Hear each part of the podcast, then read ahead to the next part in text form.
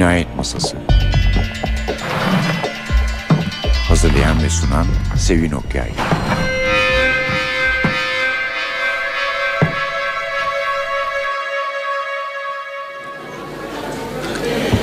Merhaba.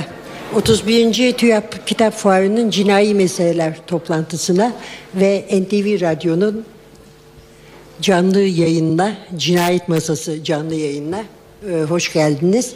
E, Bugün burada sağ tarafıma doğru bakınca e, iki tanesi e, çok sık konuğum olan üç tane çok sevdiğim konuk görüyorum. Erol Üye Pazarcı, Emrah Serbest, Ahmet Ümit.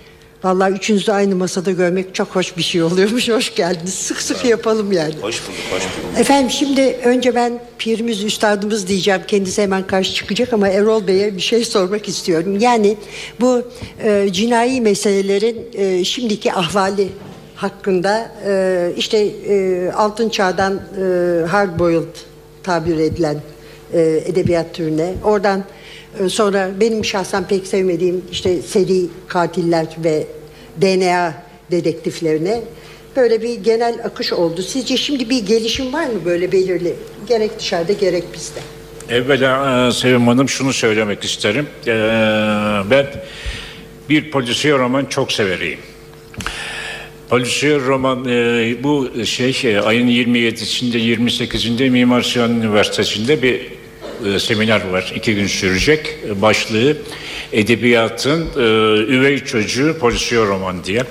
Ben de eskiden beri öyle olduğunu iddia ediyordum ama şimdi son beş senedir falan benim sağımdaki zatların yardımıyla da ikisinin de büyük katkısıyla da artık e, polisiye roman e, edebiyatın üvey olma, evladı olmaktan çıktı has evladı oldu. Sevim Hanım dediği gibi batıdaki bütün gelişmeler e, Türkiye'ye yavaş yavaş yansıyor. Ee, Nur içinde yazsın Ahmet Mithat Efendi'den itibaren ilk polisiye romanı o yazmıştır. Ee, Türkiye'de polisiye romanın uzun bir geçmişi vardır. Ee, Altın Çağ'ın Agatha Christie'lerin ve diğerlerinin e, klasik roman türü e, bugün çok büyük bir değişim gösteriyor. Tabii burada Agatha Christie'yi falan da küçümsediğimizi zannetmeyin. E, ama toplum sanki bana göre toplumsal romanın yerini e, polisiye roman aldığı gibi görüyorum. E, yani polisiye roman yazarlar artık e, Poirot'un e, beyindeki gri maddeleri çalıştırıp katili bulma e, fenomeninden uzaklaşıp toplumsal sorunlara, psikolojik sorunlara eğilerek yepyeni bir çığır açtılar. Ee, Sevim Hanım'ın bahsettiği hardboiled tipi e, benim yaşımda olanınız yok ki sizin olsaydınız 50'li yıllarda çok şeydi. bir Mike Hammer diye bir tip vardı. Onun romanları tam hardboiled'da girer e, Sevim Hanımcığım e, ve çok tutuluyordu. E, rahmetli Kemal Tahir başta olmak üzere 300'e yakın da sahtesi yazılmıştı. Çok da güzeldi değil mi Kemal Tahir'inki? Kemal Tahir'inki bana sorarsanız Mickey Spillane on basar. Şeysi, ondan çok daha güzeldi e, Kemal Tahir'in romanları. O bakımdan ben polisiye romanı çok sever olarak polisiye romanın gelişiminden özellikle ülkemizdeki gelişiminden çok mutluyum. Dünyada da e, demin vurguladığım şekilde toplumsal e, romanın yerini alarak özellikle Meksika'da, Fransa'da siyasal roman İsveç'te, İsveç. evet, İskandinav e, ülkelerinde. İskandinav ülkelerinde e, ciddi bir edebiyat kolu olarak artık e, polisiye roman yerini aldığı bu kadar uzun konuşmadan sonra iki tane Filinta gibi delikanlıya verdiğim sözüm Evet kaldı. ben onlara zaten özel bir şey sormak istiyorum. Yani bu İskandinav polisiyesinin e, bir güçlü tarafı topluma ayna tutmaksa e, Erol Bey'in dediği doğrultuda. Bir tanesi de e, mekanlara can vermek, neredeyse karakter haline getirmek. Şimdi ikinize de soruyorum sırayla. Önce sana Emrah bir Ankara polisiyesi yazmış biri olarak. Sonra Ahmet İstanbul hatırası nedeniyle sana. Yani nedir bu mekanın sizin için önemi? Polisiye için önemi nedir? Neden Ankara? İstanbul olsa ne olurdu gibi anlıyor musun? Ne, yani e, şehir olarak mekan daha küçük, daha dar mekan olarak mekan önemli. Ya aslında polisiye de şey var. Her şey önemli bir hale geliyor ya bir yerden sonra. Hani e, boş cümle olmaması gerekiyor. E, yani her cümle aynı, aynı zamanda o bir ipucu olabilir hale geliyor. Bu durumda tanımladığınız kent de aynı zamanda bir e, polisiyenin karakteri haline dönüşüyor. Bir de hani polisiyede işte bir olay yeri denilen bir hadise var ya aslında hani bütün kent kendisi bir olay yerine dönüşüyor ya da ne bileyim şeyi düşündüğünüz zaman o trende geçen işte trendeki yabancıları Evet, işte bak, polisiye güzel. sadece şey değil ki yani e, anlatılan bir olaydan ziyade geçen mekan da birinci derecede önem taşıyor. Ha benim neden Ankara polisiyesine e, Ankara polisiyesi yazdığımı e, söylemem gerekirse e, böyle edebi düşüncelerim yoktu yani. O ara işte Ankara'da yaşıyordum ve yani kendi yakın e, çevremi daha iyi anlatabilirim diye düşündüm. Onu anlattıktan sonra da şimdi böyle diyebiliyorum. Evet polisiyede mekan çok önemlidir. Şey ama önemli sayeden yani yazdıkça da anlıyorsunuz yani önemli. Ama zaten senin kitapta da daha sonra ondan uyarlanan dizide de yani olay örgünde karakterlerin de mekanla bütünleşiyorlar yani böyle bir şey de var. Yani şöyle düşünmek lazım. Mesela bir e, roman Ankara'da geçiyorsa sadece Ankara'da geçebileceği için Ankara'da geçmelidir diye ben düşünüyorum. Hani o karakteri o mekandan alıp başka bir yere koyduğunuz zaman bir olmamış e, hissi doğurması lazım. Bu yüzden de hani onun da karakterde de Ankaralılık vurgusunu yapınca işte kenti de böyle birazcık somut şeylerle betimleyince e, ikisi bütünleşmiş oluyor. Böyle bir şey.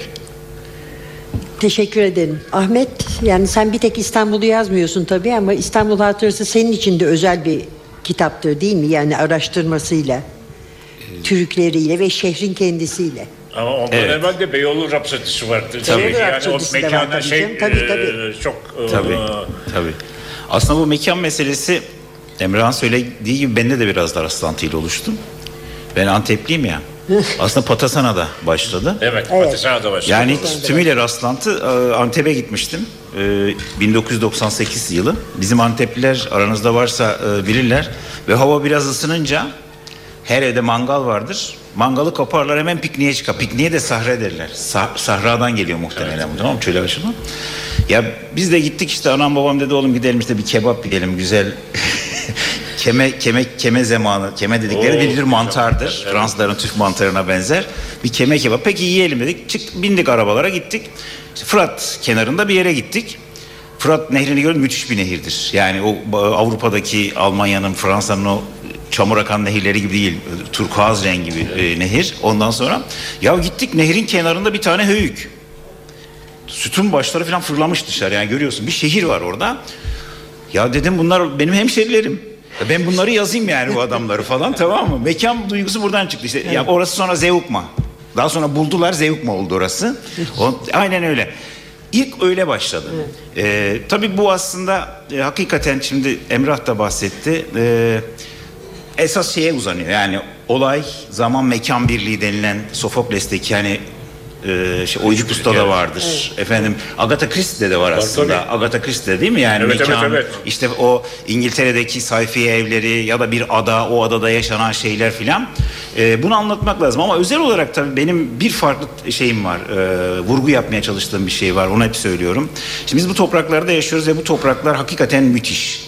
Yani bu toprakta ya- ya- yaşayan ırklar müthiş mi onu bilmiyorum. O çok tartışmalı. İnsanlar müthiş mi çok tartışılabilir ama toprakların benzersiz olduğu kesin. Yani yeryüzünde böyle bir toprak parçası yok. Gerçekten e, ajitasyon yapmıyorum. Yani işte gidiyorsunuz yurt dışına. Prag'da herif bir tane kayık koymuş. Bu ne lan? 10 bin yıllık kayık. O kayığın bir saray var. 11.500 yıl önce ki haç Urfa'da, Şanlıurfa'da insanlar 11.500 yıl önce haç ama haç o zaman tabi ne bizim e, Allah'ımız ne İsa'nın e, Kudüs'ü var. Hiçbiri yok ya da Yahudilerin ağlama duvarı var. Avcılık toplayıcılıkla geçindikleri için orada bir Göbekli Tepe bir yer buldular. Evet. 11.500 yıl önce. E şimdi bunu yazmazsam ya bilmiyorum belki uyanıklık da diyebilirsin ayıp olur. O yüzden romanlarda bu mekanlar İstanbul'da aynı mantıkları aldığımı söyleyebilirim tabii. Evet. İstanbul'da o açıdan çok değerli. Yani 2700 yıla e, tarihlenen bir şehirden söz ediyoruz ama son Marmara buluntularıyla beraber Çok daha 8000 yıla Evet. çıktı. Gerçi Sayın Başbakanımız çanak çömlek diyor onlar ama e, 8000 yıla uzanan bir tarih var. 8000 yıl. Müthiş bir şey bu. E şimdi romanlarda bunları kullanmak e, hem şık oluyor hem romana derinlik katıyor. Hem bir de tabii şöyle bir şey var. Şimdi sonuçta hani polisiye yazıyoruz ama e, esas olarak anlattığımız insan ruhu yani. Şimdi bah, e, Behzat Ç. bağırırken çağırırken aslında bir şey anlatıyor adam yani. Hani o polislik mesleğindeki bir durumu anlatıyor. Bir ruh halini e, yansıtıyor.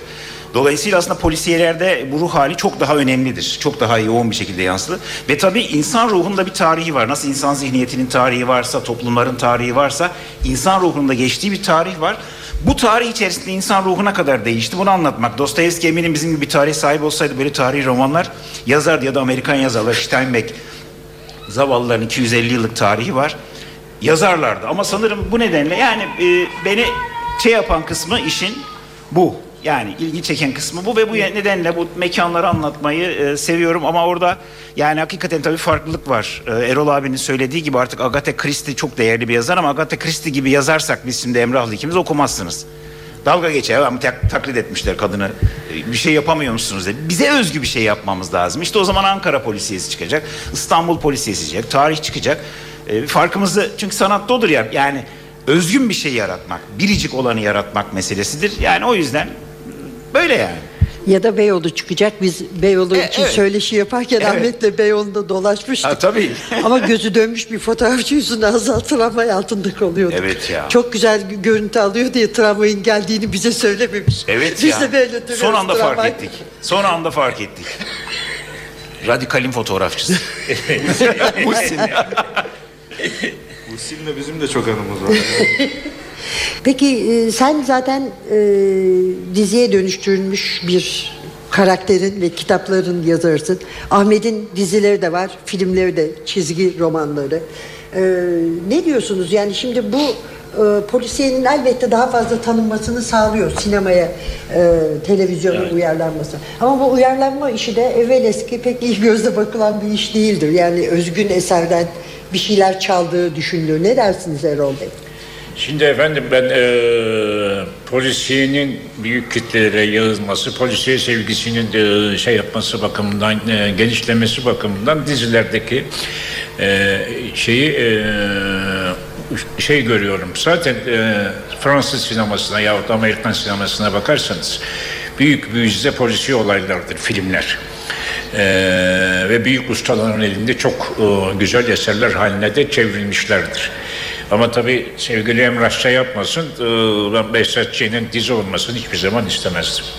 Çünkü Behzat Ç benim çok sevdiğim bir karakterdi. Eee, şimdi 30 40, 50, 60, 70 dizi yapıldığı zaman asıl Behzat Ç, yani iki kitabın var senin Behzat Ç kitabın. E, o iki e, kitap e, bir yerde kalıyor. Yepyeni, e, sen de senaryolara yardım ediyorsun tahmin ediyorum Emrah. E, Ya, ben e, doğrudan senaryo yazmıyorum ama bir okuyorum senaryoyu Anladım, yazıldıktan anladım. sonra.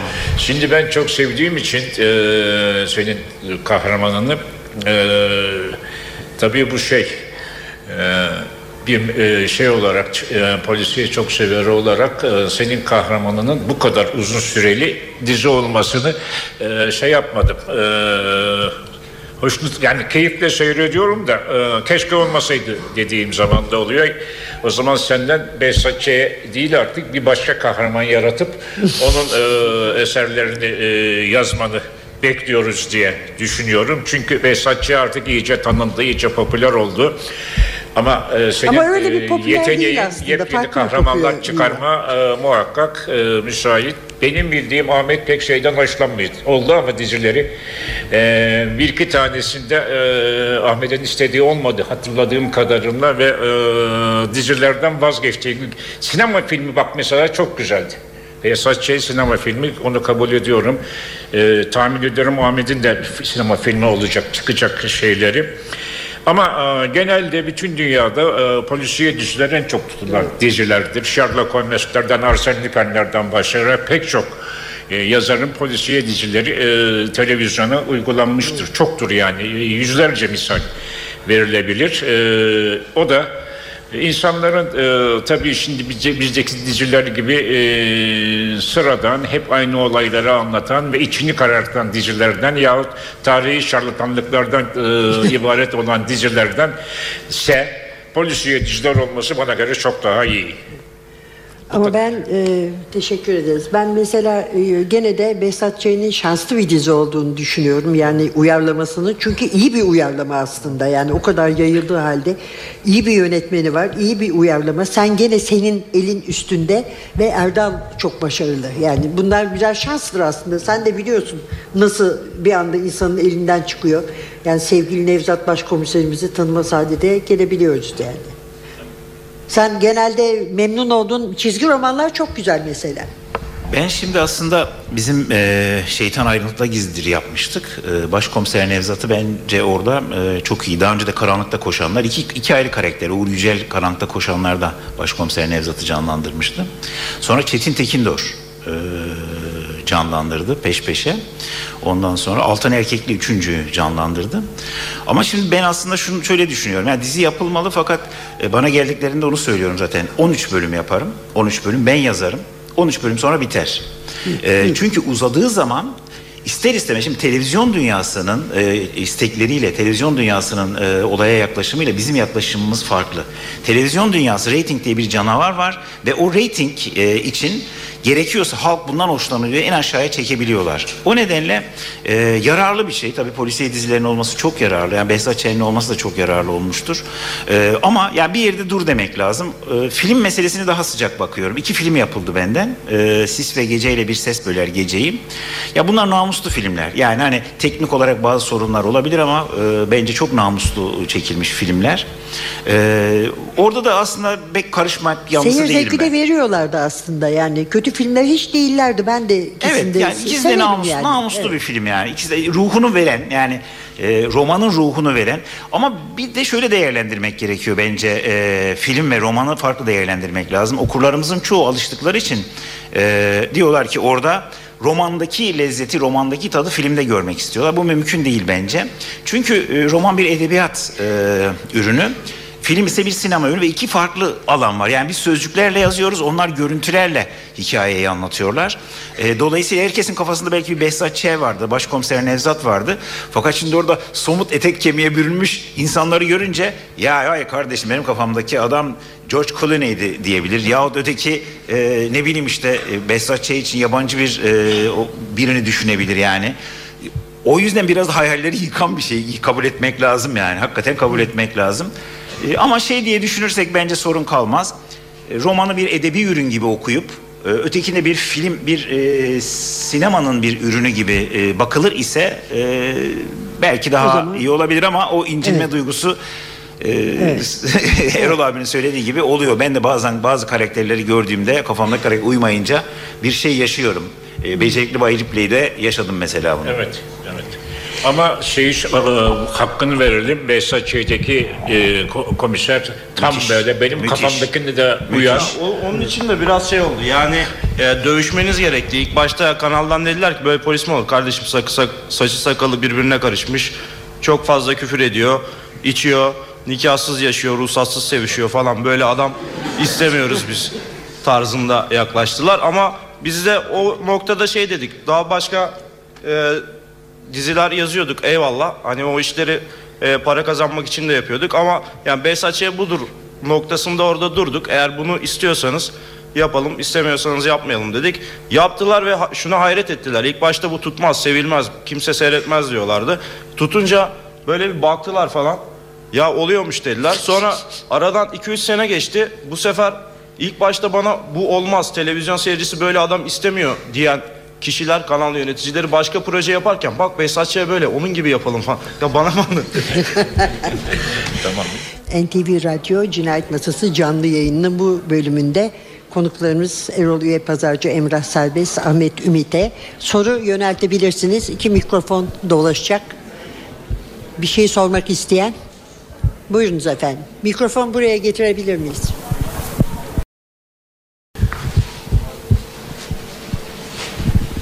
Teşekkür ederim. Adım Pınar Özdemir. Ben Ankara'dan Kime geliyorum. soruyorsunuz? E ben genel olarak hani konu cinayi meseleler olduğu için oradan yola çıkarak bir şey sormak istiyorum. Söyleşinin başında Emrah Bey'in bahsettiği Trendeki Yabancılar kitabında Patricia Highsmith'in şöyle bir lafı var.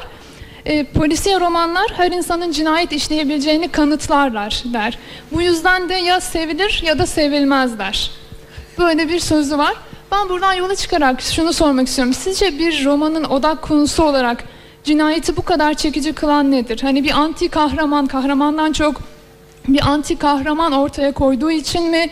Kurguda akıcılık sağladığı için mi? Yoksa cinayet işleyen insanın ruhundaki o karanlık noktaları aydınlatmak için mi? Kısa bir şey söyleyeyim. Bence insanın kendini suçlu hissetme duygusu yani insandaki en temel duygulardan biridir. Mesela en temiz adamları düşünün. Ee, onların içinde bile bir suçluluk hissi, suçluluk duygusu vardır ya. Kafka da hani biraz burayla oynadı davada.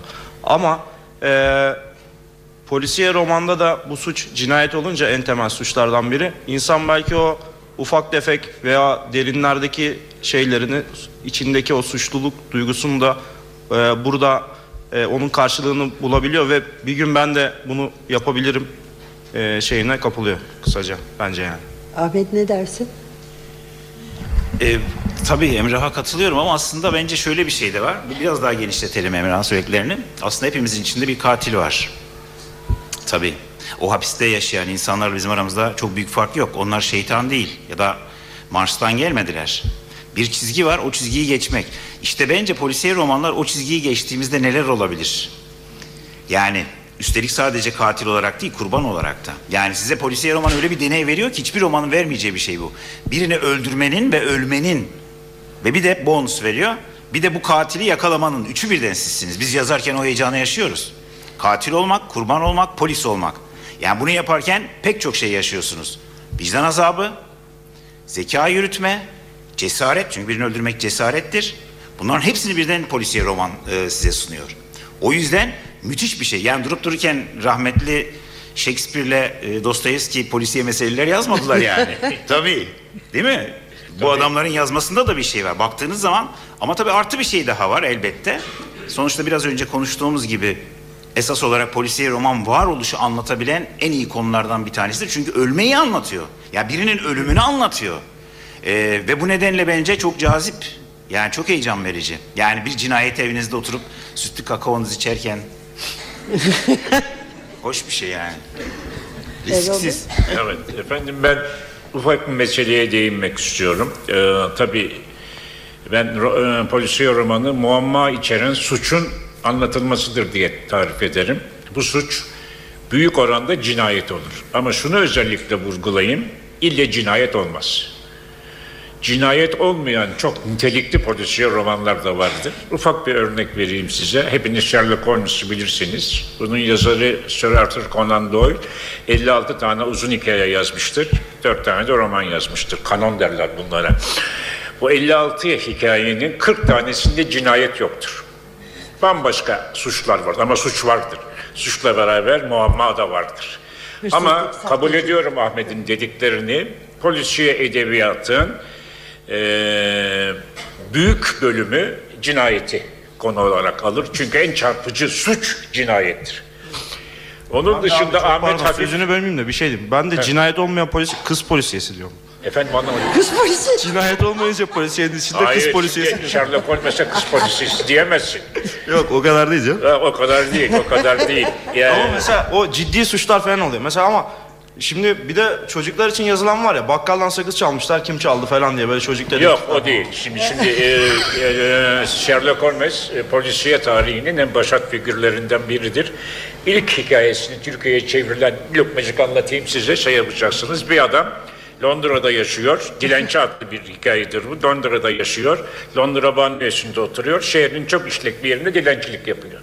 Ve ailesine ben tüccarım diyor. Sabah efendi gibi giyiniyor gidiyor. Orada bir e, alt kat tutmuş. Orada dilenci elbiseline gidiyor. Akşama kadar paraları toplayıp evine gidiyor.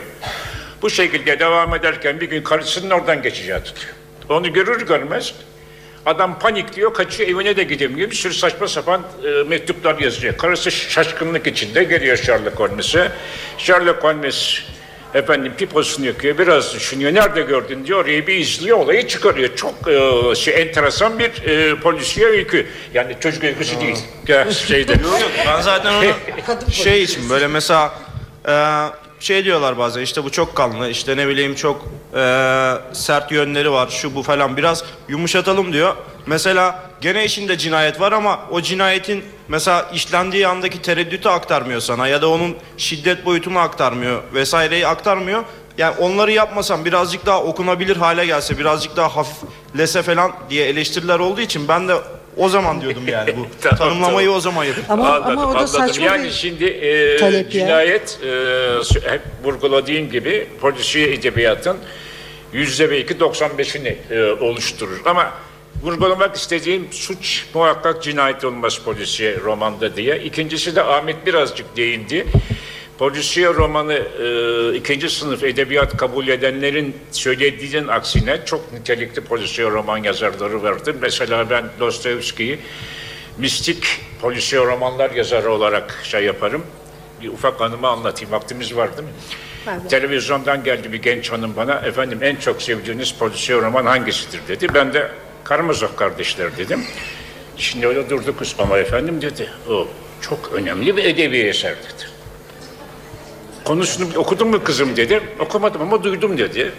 Ben de konusunu anlattım. Dedim ki bir baba var Karamazov'la kardeşinin üç tane oğul var. Baba rezil bir herif. Dimitri Karamazov da rezil bir adam. Bir tanesi ateist bir kardeş. Bir de Alyosha var dünyanın en tatlı adamı. Şimdi bu üçü e, hikayenin şeyleri. İvan e, Karamazov nişanlısını dolandırmış. Nişanlısının parasını şeyle yemiş, e, metresinle yemiş. Kız parayı istiyor. Efendim babasından para istiyor. Baba vermiyor, babayı ölümle tehdit ediyor. Aradan sonra bir bakıyorsunuz baba öldürülüyor. Tabii ilk suçlu kim olacak? İvan Karazuma, Karamazov. Oğlan da aynı kadına aşık. Yani o kadar ayrıntıya girmeyeyim dedim ama cinayet var, suç var. Katil kim? Belli değil. İki, ikinci olan katili buluyor. O da babanın e, gayrimeşru oğlu çıkıyor falan. Ama konuya bakarsanız Polisiye yani. tarif ettiğimiz suç da var, muamma da var. Dört ama e, Dostoyevski yan olaylarla, yan öykülerle nefis bir eser yazmış diye bunun polisiye karakterini yok diyemezsiniz ki. Benim bütün anlatmak istediğim bu. Ahmet azıcık değindi, ben biraz fazla değindim. Ayrıca Patricia Highsmith de çok iyi bir yazardır yani hani Tabii. polisiye yazarı diye bir kenara ayrılacak bir insan değil iyi yazarlar arasında konacak bir yazardır ki böyle de çok yazar var. Evet efendim başka Ee, buyurun önce sizi gördüm. Tamam döneceğim sana. Ya ben hem Ahmet Bey hem de Emrah Bey'e önce çok teşekkür ediyorum. Çünkü polisiyeyi yani ikisine de edebi ruh kazandırdılar. Özellikle yaratmış oldukları karakterler Ahmet Ümit'in Nevzat'ı, Emrah Bey'in e, Behzat'ı ikisi de doğruda duran polisler. Ve inadına doğruda duruyorlar. Yani yel değirmenlerine karşı da savaşıyorlar. Kirli bir yer orası. E, Nevzat e, polisteki yeniden yapılanmayı da ele aldı kimi dönemlerde ve doğrularından hiç taviz vermedi ve doğruyu aradı. Behzat'ın yaptığı şey yine aynı. Yani o bedellerini ödeyerek Behzat oluyor. Gerçekten yel değirmenleri var ve Don Quixote'ça savaşıyorlar. Ve biz şanslıyız. Gerçekten çok şanslıyız. Yani dünya edebiyatında e, Behzat şeyde Emrah Bey'in yapmış olduğu şeyde çok derinlikli işliyorlar. Behzat'ın yaşamış olduğu trajedi Shakespeare'deki trajedilerden çok farklı değil. Nevzat'ın kavgası e, durduğu yer çok doğru bir yer ve inadına duruyor ve o yüzden çok seviliyor. Ve şansımız şu e, sadece polisiye yazmıyorlar. Tarihte yazıyorlar.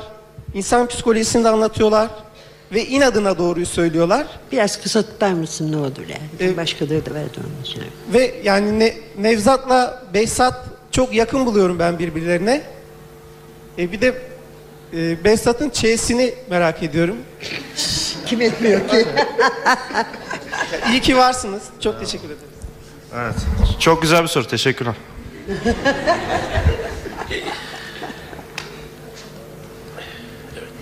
evet burada. İsmim Oğuz Şahin Yılmaz. Ee, sorum Ahmet Bey'e. İstanbul Hatırası kitabı ile ilgili. Ee, Demir'le Yekta'nın bakış açılarını bu kadar ayrıntılı yazabilmek için böyle cinayetler gerçekten işlemiş kişilerle vakit geçirdiniz mi yoksa tamamen hayal üründünüz mü? Vallahi hayatımda hiç kimseyi öldürmedim. Denedim. Çok yaklaştım. Cidden çok yaklaştım. Ama iyi ki yapmamışım çünkü korkunç bir şey. Ee, aslında tabii bunu yapmak gerekmiyor. Yani il, mutlaka e, böyle bir şey yapmamız gerekmiyor. Bunu tabii yapan yazarlar var. Cinayet işleyen değil de işin içinden gelen. Mesela Dashiell Hammett e, Amerika'da e, bizatihi dedektiflik bürosunda çalışan bir e, adamdı. Sonra yazar oldu. E, John Le Carre e, MI6 diye bir istihbarat örgütü var şeyin İngilizlerin. O istihbarat örgütünde çalışmıştı. Graham Greene çalışmıştı. Evet. Ya böyle yapan yazarlar da var ama ben yapmadım. Ama onların öfkesini biliyorum. Çünkü yani İstanbul'u çok seviyorum ve İstanbul'a bu kötülüğü yapan insanların değil mi? Bu kadar İstanbul'u mahveden insanların yani öldürülmese bile yani yani öldürmeyelim tabii öldürmek güzel bir şey değil ama yani düşünün. Boğaz Köprüsü'nden geçerken bakıyorsunuz Sultanahmet pardon Süleymaniye Camii'nin minarelerinin arasından Kazlı Çeşme'deki binalar gözüküyor. İstanbul'un süliyetini Süleymaniye Camii yapıldığı zaman bir süliyet oluşturdu. Yani diğer camilerle beraber Mimar Sinan. Bugün o süliyeti bir herif birkaç trilyon dolar para kazanacak diye, milyar dolar para kazanacak diye ortadan kaldırıyor. Şimdi bu durumda çok öfkeleniyorum. Öldüremediğim için bu herifleri alçakları romanla öldürüyorum. Bizim böyle karakterler yaratıp yani bu yani nedeni o. Benim on- benim öfkem şeye geçiyor. Zavallı e, şeyle Demir'le şey katil onlar adamcağızlar öldürüyorlar işte. Dövelim abi. Zavallı.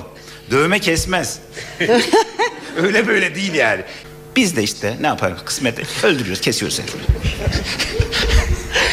şey olarak sanal. Kimseyi öldürmekten yana değiliz. Başka sorusu olan buyurun. Şurada arkadaşımız geliyor. Merhabalar. Benim sorum da Ahmet Ümit Bey olacak. Ee, kitaplarınızı yazarken sonuçta katilleri konuşturuyorsunuz. Ee, kurbanlar var, dedektifler var. Normal vatandaşlarla sohbetler de oluyor. Burada farklı ruh halleri içerisine giriyorsunuz mutlaka bunları yazarken. O süreçleri nasıl geçiriyorsunuz? Yani birazcık bundan bahseder misiniz? Yazar olarak belli bir psikolojiye girdiğinizde o psikolojiyi o bölüm için yazarken mesela birkaç gün mü sürüyor? Yoksa ee, ayrı ayrı dönemlerde mi o süre, süreçlerde yaşıyorsunuz? Bu psikoloji nasıl psikoloji ve bundan nasıl çıkabiliyorsunuz sonra tekrar? Evet. Ee, bunlardan biraz bahsederseniz sevinirim. Tabii. Teşekkürler. Şimdi aslında şöyle yapıyorum. Yani mesela Bab Esrar'dan örnek vereyim kısaca. Ee, bu Bab Esrar romanı Mevlana ve Şems hakkında bir roman. Ama buna hiçbir bilgim yoktu açıkçası. Çok genel geçer bilgilerim vardı. İşte e, bu fikir gelince Konya'ya gittim. Konya'ya gittim. Bu arada okuyorum. Ama Konya'ya değişik zamanlarda gittim. Ondan sonra Konya'ya gittim ve bir gece o söylediğiniz ruh halini yakaladım ben. Tam Mevlana Türbesi'nin karşısında bir balıkçılar oteli var. O otelde bir yer tuttum. Kar yağıyor. Gündüz korkunç orası. Yani hiç tıpkı İstanbul'da olduğu gibi orada da o türbenin etrafı pazarlar mazarlar korkunç. Şimdi biraz toparlıyorlar. O zaman daha korkunçtu. Gündüz o yüzden hayaliniz canlanmıyor çünkü çirkin. Ama gece kar yağıyor. Sadece ışıklar işte e, Mevlana türbesini gösteriyor. Yeşil böyle kubbe-i hadra uzay aracı gibi falan gözüküyor gözünüze. Çıktım dışarı saat 11 gibi kimse yok. Aşağı arkada bir mezarlık var. Bin yıllık üçler mezarlığı. Balkondan bakıyorum. Karşıdaki türbenin kapısı çırrrr. E, efekt korkmaz çakar mıydı? Kapı açıldı bir kadın Korkmaz çıktı. Çakar. Eskiden Tahsin Temren de var Erol Bey hatırlar. Korkmaz Çakar orada var mıydı bilmiyorum ama aynen böyle oldu. Kapı açıldı bir kadın çıktı. Yabancı bir kadın. Giysinden anlıyoruz. Hafif bir kar yağıyor. Rüzgar o kar tanelerini uçuşturuyor. Kadın o kar tanelerinin üzerine bindi. Üçler mezarlığında kayboldu. Hafif kafayı yedim ve ondan sonra yazmaya başladım. Çünkü ya bu normal yazılacak bir şey değil yani. O otel odasında oturdum. Ondan sonra oradan yavaş yavaş çünkü bin, bin 13. yüzyıla gidiyorum ben. Yani 700 küsür yıl önceye bir yolculuk bu. Normal kafayla gidemezsin. Rakı içiyorum başka bir şey içmiyorum. Alkol de vardır ya. Ama rakı bu kadar etki yapmıyor. O havaya girmeden olmuyor hocam. Hakika sonra çıkmak şöyle oluyor. Çıkıyorsun. Yani şey e, benim de hayatım sanırım Emrah da öyledir. Yani biz öyle e, odasına kapanıp yazan yazarlardan değiliz. Ve hayatı ıskalamam. Ofisim Beyoğlu'nda. Şimdi biraz önce konuşuyorduk. Sevin'le şey Erol abi ya bir gün gelelim bir Beyoğlu'nda. Tabii buyurun gelin dedim. Hayatı yaşarım. Çünkü biliyorum ki bir tane var bir daha olmayacak. Ve her zaman romandan daha değerli bir şey. Çabuk çıkıyorum. Son bir soru alayım mı? Hemen önünüzde. Buyurun. Merhabalar. Ee, e, Ahmet Bey'e bir sorum olacaktı benim. Şimdi cinayet e, romanlarının e, katilleri aynı zamanda e, bir yıkıma uğramış, travmaya uğramış e, kişilerdir. Yani onlar da mağdurlardır. E, şimdi e, e, Sultan'ı Öldürmek e, romanından önceki kitaplara baktığımızda e, finale geldiğimizde bunun böyle olduğunu görüyorduk. Ama bir okuyucu olarak Sultan'ı Öldürmek romanını böyle e, bir solukta okudum ve finaline geldiğimde yani kitabı bitirdiğimde bir böyle bir durdum. Yani nasıl yani e, dedim. Yani ne bileyim o- ya o, o beni biraz hayal kırıklığına uğrattı. Mesela bir yazar e, bir romanı yazdıktan sonra acaba finalini yazdığında olmamış dediği anlar olur mu? Ya da ya da bu burası olmadı dediği anlar olur mu? Teşekkür ederim. Ben teşekkür ederim. Tabii olur. Bizim yazarların sorunu şu ki sevgili dostum. Hep aynı şeyleri yazarsak biteriz. Bazen hayatın kendisinin cinayetten daha enteresan olduğunu vurgulamak lazım. Yani o İstanbul şimdi sonunu söylemeyelim de İstanbul hatırasındaki pardon e, Sultan öldürmekteki final aslında normal olarak sizin Üçüncü sayfa haberlerini okuduğunuzda karşınıza çıkacak olaydır. Büyük olan da gerçek budur. Yani o karmaşık cinayetlerden daha yoğun bir şekilde yaşadığımız şey odur. Ben bu romanda esas olarak ağırlığı cinayet, ya bambaşka şeyler yapabilirdim. Ama o zaman romanın içeriği ölecekti. Yani şimdi bir romanın sadece kurgusu ve biçimi değil, başka şeyler. Mesela aslında kar kokusunda da benzer bir şey vardır. Ben romanın ortasında katili söylerim. Sorun şu. Yani bizim açımızdan sorun. Sizin açınızdan anlıyorum. Okurun e, bir edebi metine bakarken ki şey yaklaşımı şudur. Yeni bir tane aynı bundan yazsalar işte İstanbul Hatırası, Behzat. Ama bizim de sorunumuz şu ki aynısından yazarsak ben öleceğim. Tekrar tekrar tekrar yazma duygumu kaybedeceğim. O nedenle zaman zaman biz farklı şeyler e, denemek zorundayız. O kitap İstanbul Hatıra şey e, İstanbul Hatırası diyorum ya Sultan'ı öldürmek benim için ya benim adıma doğru bir kitap.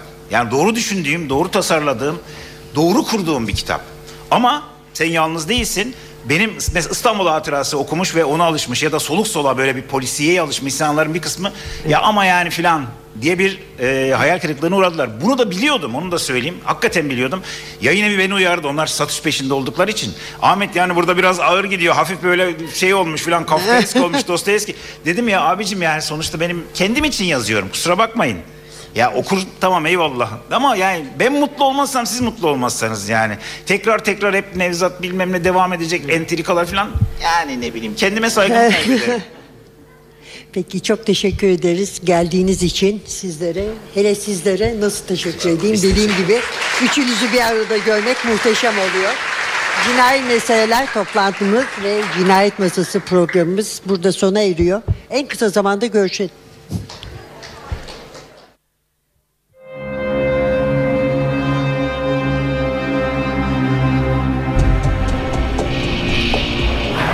Cinayet Masası. Hazırlayan ve sunan Sevin Okyay